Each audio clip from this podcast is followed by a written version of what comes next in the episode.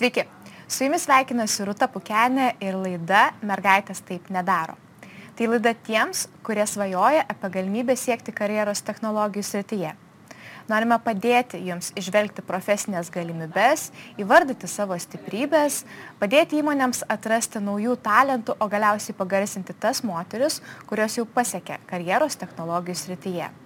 Todėl šiandien kartu su mumis Violeta Vogel. Šiaulių universitete ji baigė matematikos ir fizikos studijas, vėliau mokslus tęsė kompiuterinės lingvistikos srityje Vokietijoje, o galiausiai save atrado dirbtinėme intelekte. Violetos vardas yra siejamas su Šveicarijos bankose tikiamomis paslaugomis ir produktais bei patentuotais algoritmais. Šiuo metu ji dirba pačioje didžiausioje Šveicarijos ligoninėje. Sveiki, Violeta. Sveiki. E, Vokietija, moksliniai tyrimai, darbas Šveicarijos bankė, dirbtinis intelektas, darbas ligoninėje ir galiausiai su COVID-19 pacientais. Visa ši jūsų kelionė prasidėjo Šiauliuose. Kodėl būtent Šiauliai? Kaip ten atsidūrėt? Todėl, kad aš užaugau Želvių kaime, Kelmės rajone, baigiau užvenčio vidurinę mokyklą. Uh, ir Šiaulių universitetas buvo toks kaip sekantis, arčiausiai esantis universitetas. Galvojau apie Vilnių, bet fizika ir matematika, kurio domėjausi, buvo Šiauliuose. Ir taip, taip ir gavosi. Ar jūs nuo pat vaikystės domėjotės fiziką ir matematiką? Man yra tekę girdėti jūsų pasakojimą, kad e, tuomet matematinius galvosūkius gliaudėte greičiau negu rašydavot e, rašinius lietuvių kalba. Ar vis dėlto buvo kažkoks perversmas jūsų karjerai? Um, jo, tie rašiniai apie Hamletą, kodėl Hamletas kažką pasakė ir ką jisai turėjo pasakyti kitaip, aš jų niekada nesupratau, kodėl aš juos turiu rašyti. Nors iš kitos pusės pasakęs mane literatūra iki pačios dienos ir knygos lydi ir namai pilni knygų, bet tik dėl skaitimo. O matematiniai galvosūkiai tiesiog taip gavosi. Tiesiog buvo labai įdomu. Aš galėdavau val, valandų valandas su jais prie jų praleisti ir tai buvo labai įdomus pasaulis. Tik tai aš paskui studijuodama matematiką suvokiau, kad tai greičiausiai buvo todėl, kad jie labai logiški. Ir matematinė logika toksai labai gražus, mielas dalykas. Ir aš jo labai mielai užsijimu. Tai va turbūt todėl. O kaip pasukote į visą tekstritį, matematika, fizika, atrodytų, na, pakankamai teoriniai mokslai, dabar esate praktikė. Ar nuo pat vaikystės ir svajojate būtent dirbti panašioje srityje, ar turėjote kažkokių kitų vaikystės svajonių? Didžiausia vaikystės svajonė buvo tapti gydytoja. Um, kažkada suvokiau, kad jau būdama paauglė suvokiau, kad galbūt netapsiu gydytoja, galbūt fizika ir matematika mane domina labiau. O paskui, taip kaip jūs sakėt, e, iš tos teorijos aš, aš pabaigusi Šiaulių universitetą įstojau po, po keletą metų kelionių po pasaulį, įstojau į Heidelberg universitetą studijuoti ekonomikos. Ir ten suvokiau, kad ekonomika labai teoriška. Ir sėdėdama paskaitose galvodavau, o ką aš su ją darysiu, kur man tai pritaikyti. Ir tai buvo vienas iš svarbiausių paskatų pakeisti studijų kryptį ir įstoti į kompiuterinę lingvistiką. O kompiuterinė lingvistika yra tai, ką daro Google. Tai yra vienas prie vieno. Ir staiga visos studijos įgavo prasme ir tai buvo mano pirmasis e, toks rimtas žingsnis su duomenimis, e, su duomenų analize, data mining, um, dirbtiniu intelektu ir taip toliau. Ir buvo labai įdomu, panašiai įdomu, kaip sprendžiant matematinį galvosūkį, panašiai įdomu žiūrėti iš to paties kampo į duomenis ir galvoti, o ko aš ten ieškau ir ką aš ten rasiu ir kas ten iš viso gali būti. Tai vienas dalykas, o kitas dalykas kažką tai suradus yra įdomu, nes kaip tai paveiks žmonių, kurie su tais rezultatais dirbs darbą, gyvenimą, elgesį. Ir tai yra, tai yra du aspektai, kurie man labai svarbus mano darbė. Bet kompiuterinė lingvistika atrodo tokia nišinė sritis. Kodėl iš viso tuomet ją pasirinkote, kaip sudomino šis pasirinkimas ir kaip atrodė pirmasis jūsų darbas? Taip, nišinė. Ir buvo, ir, ir iki šiol tebėra, ir, ir greičiausiai taip ir liks. Uh, nes nišinė todėl, kad yra pakankamai komplikuota. Iš vienos pusės reikia suprasti kalbą, iš kitos pusės reikia mokėti programuoti ir sugebėti, sugebėti programuoti. Ir trečias dalykas reikia matematikos. Ir tai yra, tai yra trys dalykai, kurie labai sunkiai suderinami vieni su kitais.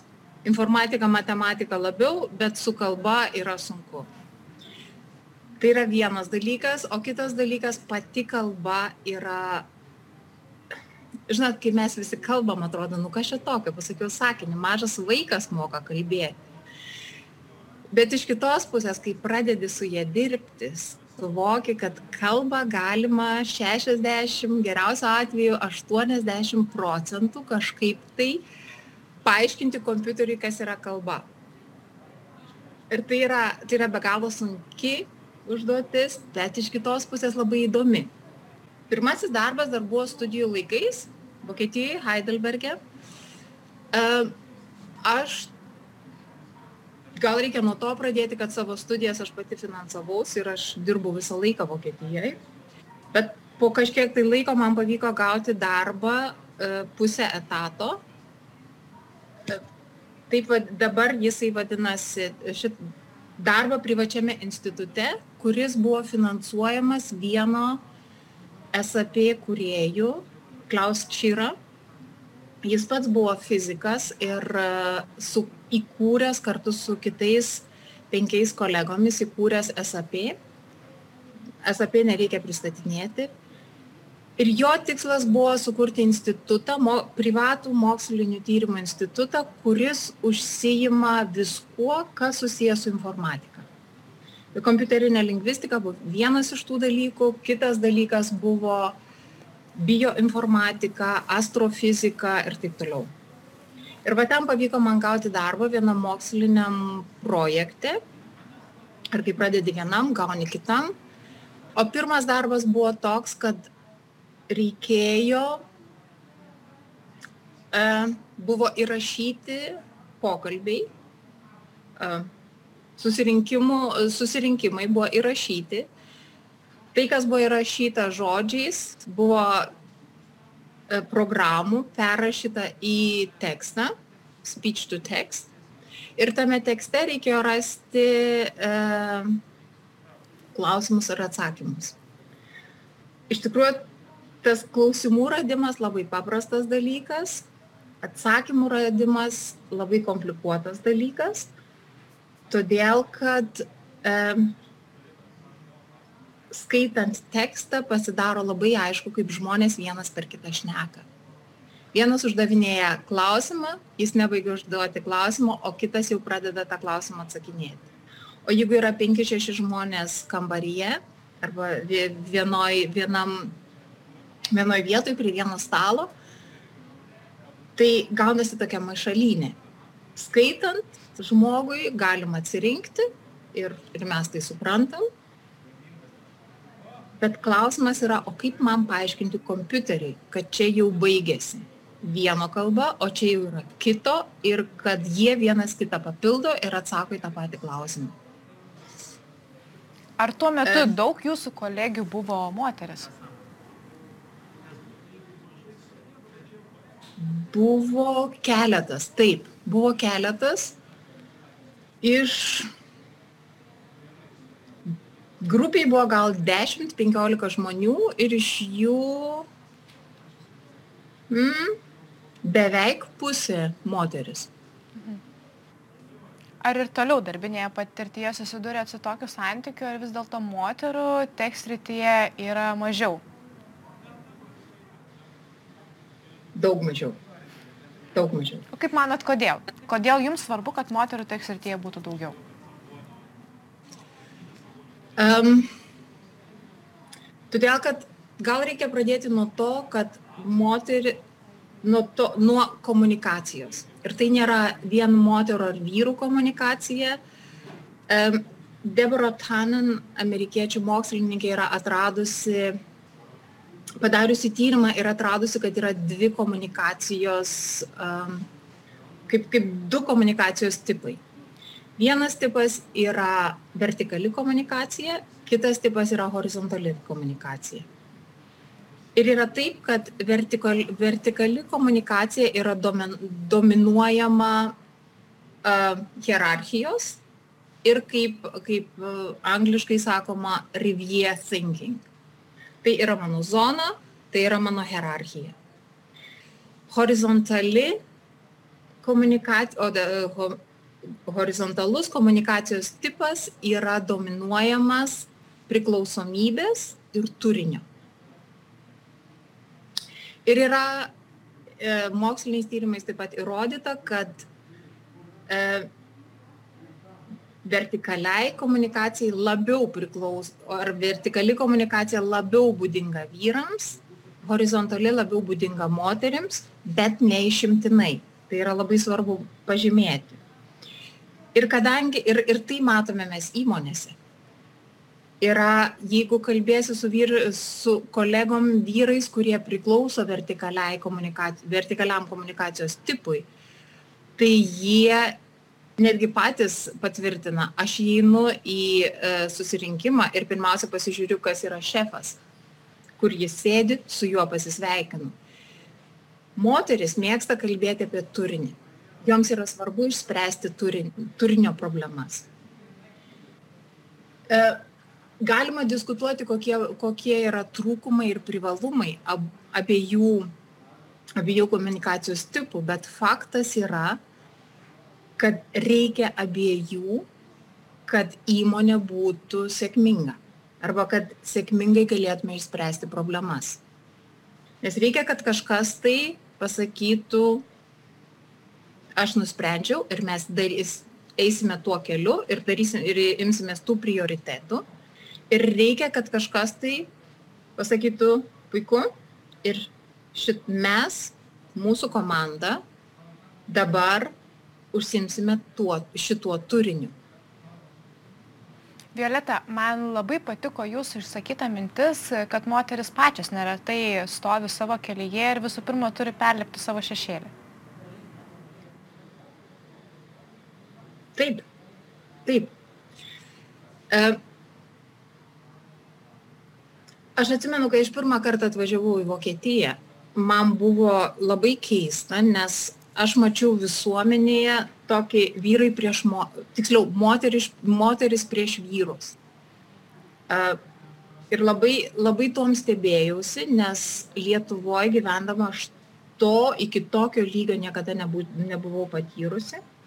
Ir aš čia nežneku apie tai, kad kas yra visiškai normalu, kad vieni kitų sąskaitą mes darom juokelius ir va tipiškai moteris, ah, tie vyrai, Bet aš kalbu apie tai, kad moteris tikrai kai kuriais atvejais netgi agresyviai buvo nusiteikusios prieš vyrus. Ir matyt, tai buvo pasiekmė feminizmo, kuris Vokietijoje labai stiprus buvo 70 metais. Ir čia aš noriu pasakyti, kad jokių būdų aš to feminizmo ne, nekritikuoju ir nesakau, kad tai buvo blogai, nes jie pasiekė labai daug gerų rezultatų ir labai daug reikalingų dalykų. Bet žiūrint iš šiandieninės perspektyvos, tai buvo sukeltas toks, tokia kaip pusiausvėros praradimas visuomeniai. Ir matyt, tai yra vienas iš dalykų, kur, kur galvoju, ai, ten vyrų klubas ir aš ten neįsiu kas dar buvo dar ir prieš šimtmetį. O kitas dalykas, kad jo vis tiek čia yra tik vyrai ir aš ten neįsiu. Ir aš dar kaip tik prieš pokalbį skaičiau, kad įdomu, kad e, būtent kas liečia informatiką ir, ir komunikacijos sritį, tai dauguma moterų sako, ai ten vieni nerdai, o tie nerdai jie su nieko nesišneka, su jais neatsigersi kavos ir uh, aš nenoriu tapti tokiu. Nerd akiniai gražu, gali būti madinga, bet jau daugiau tai ne, tai ne mano pasaulis. Iš kitos pusės, su, tada, kai pradedi kalbėti, suvoki, o kiek mes to pažįstam, kiek tai yra kažkokie tai stereotipai, kuriuos mes ir toliau penim ir kuriuos toliau gyvenam, ir kiek tai yra realus pasaulis. Ir realiam pasaulyje taip yra tokių, su kuriais mm, reikia gal ir dviejų metų, kad, kad prie jų priartėti, bet realiam pasaulyje yra normalus pasaulis. O kokia situacija yra Šveicarijoje, kur šiuo metu esate? Koks čia yra požiūris į moteris technologijose, vyrams ir moteriams tenkantis vaidmenis technologijų įmonėse?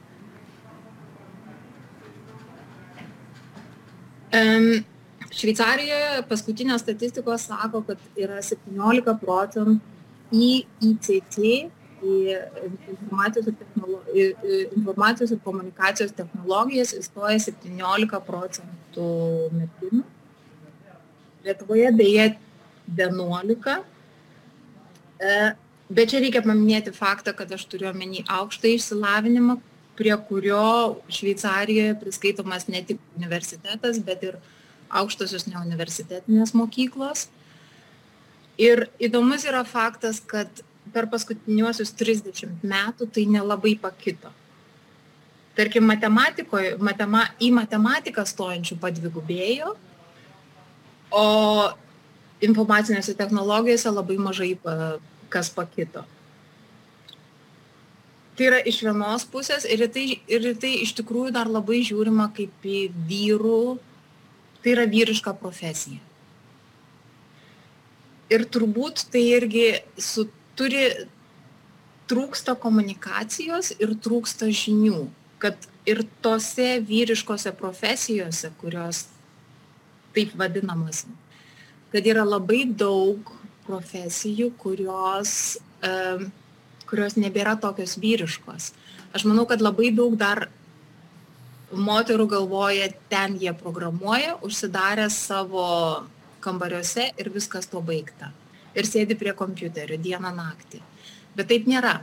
Yra labai daug specialybių, kurios, kurios turi labai, kurioms reikia labai daug ir gerų bendravimo įgūdžių.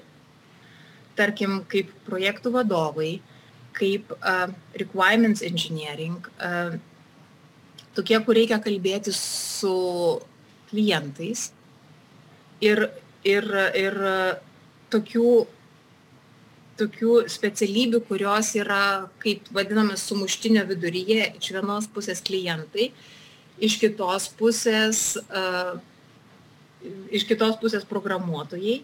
Ir kažkam tai reikia sugebėti išversti vienų kalbą į kitų kalbą. Viena iš tokių profesijų yra ir mano. Ir jos yra labai įdomios. Ir joms, aš manau, moteris turi kaip tik tokių savybių, kurios tose profesijose labai padeda.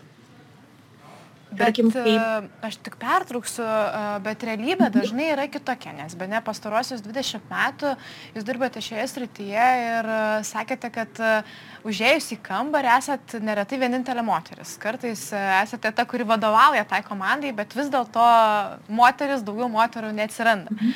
Ar jūs kažkada esate susidūrusi su stereotipais dėl to, kad esate moteris ar su tam tikrais iššūkiais?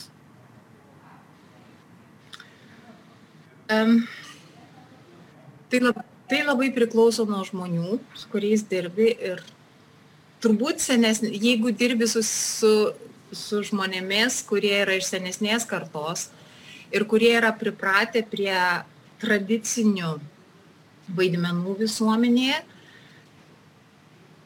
gali jausti, tokį požiūrį, jie nieko nesako, bet jie žiūri ir tave tikrina ir galvoja, ir, ir jauti, jie klausia savęs, mhm, ir ką tu čia dabar pasakysi. Ir ko, koks yra tavo vaidmuo. Bet tokių požiūrių yra ne tik informatikoje, tokių požiūrių arba informacinėse technologijose, tokių požiūrių yra ir vadovaujant. Nes Šveicarijoje dar yra, nėra normalu, kad moteris užimtų vadovaujamas pareigas. Ir taip tenka įrodyti. Įrodyti, kad tu esi pajėgi, kad tu, tu gali, kad tu žinai, kad tu moki. Ir iš vienos pusės, iš kitos pusės yra toksai noras tave apgaupti ir apsaugoti, kas iš vienos pusės labai miela, iš kitos pusės e, jaučiasi taip, lyg už tave kažkas tai kalba. Ir tai yra, tai yra tokie soft facts, su kuriais reikia, su kuriais susiduri, jie yra kasdienybė ir su jais reikia mokėti gyventi. O ir ką žinoti, daryti, kad... kad šitą situaciją pakeistume? Gal turit kažkokių na, patarimų arba pabaigai galėtumėt pasidalinti kažkokiais trimis tipsais? Tai ką daryti, kad tų moterų technologijose būtų daugiau? Aš manau, kad visų pirma, rodyti pavyzdį. Tai yra turbūt pats svarbiausias dalykas, apie tai kalbėti Um, kitas dalykas yra labai svarbu, kad uh, žmonės arba studentai suvoktų, kad tai yra, įdomi, tai yra įdomios specialybės, tai nėra vien tik tai sėdėjimas uždarame garaže. Ir aš manau, kad yra dar vienas labai svarbus dalykas, kad e, kalbėti auditorijai ir suvokti, kad auditorija susideda iš moterų ir vyrų. Skatinti merginas rinktis informacinės technologijas, bet kartu ir auginti vyrų kartą, kuriai visiškai normalu, kad moteris sėdi, kad, kad moteris sėdi prie Mano vyrui yra visiškai normalu, kad aš uh, vadovauju komandai, nors jis pat dirbtinio intelekto komandai, nors jis pats yra dirbtinio intelekto profesorius. Ir jam yra visiškai normalu, kad yra dalykų, kuriuos aš geriau žinau negu jis. Ir tai yra, tai yra labai labai svarbus faktorius. Kad turėti palaikymą ne tik visuomenėje, bet ir namuose. O šitą pasieksim tik kalbėdami kartu. Arba kreipdamiesi tiek į, mergi, į jaunas moteris, į merginas, tiek į jaunus vyrus ir vaikinus. Ir aš manau, kad ta karta, kuri dabar ateina, jie turi daug mažiau problemų. Mhm. Violeta, ačiū labai Jums už pokalbį ir už tai, kad pasidalinote savo patirtimi. Ačiū Jums, kad pakvietėt ir aš tikiuosi, kad jeigu bent viena mergina po to pokalbio pasirinks informacijos technologijas arba net dirbtinį intelektą, tai aš būsiu pasiekus savo tikslą. Ir žinoma, vaikinai, mums trūksta, mums trūksta žmonių. Dar kartą ačiū Violetai, kuri dirbtinį intelektą yra netgi palyginęs su geru detektyvu. Dėkojame ir žiūrovams buvusiems kartu, o taip pat mūsų projekto ambasadoriui, unikalius IT sprendimus kuriančiai ir įgalinti įkvepiančiai įmoniai Baltic Amadeus.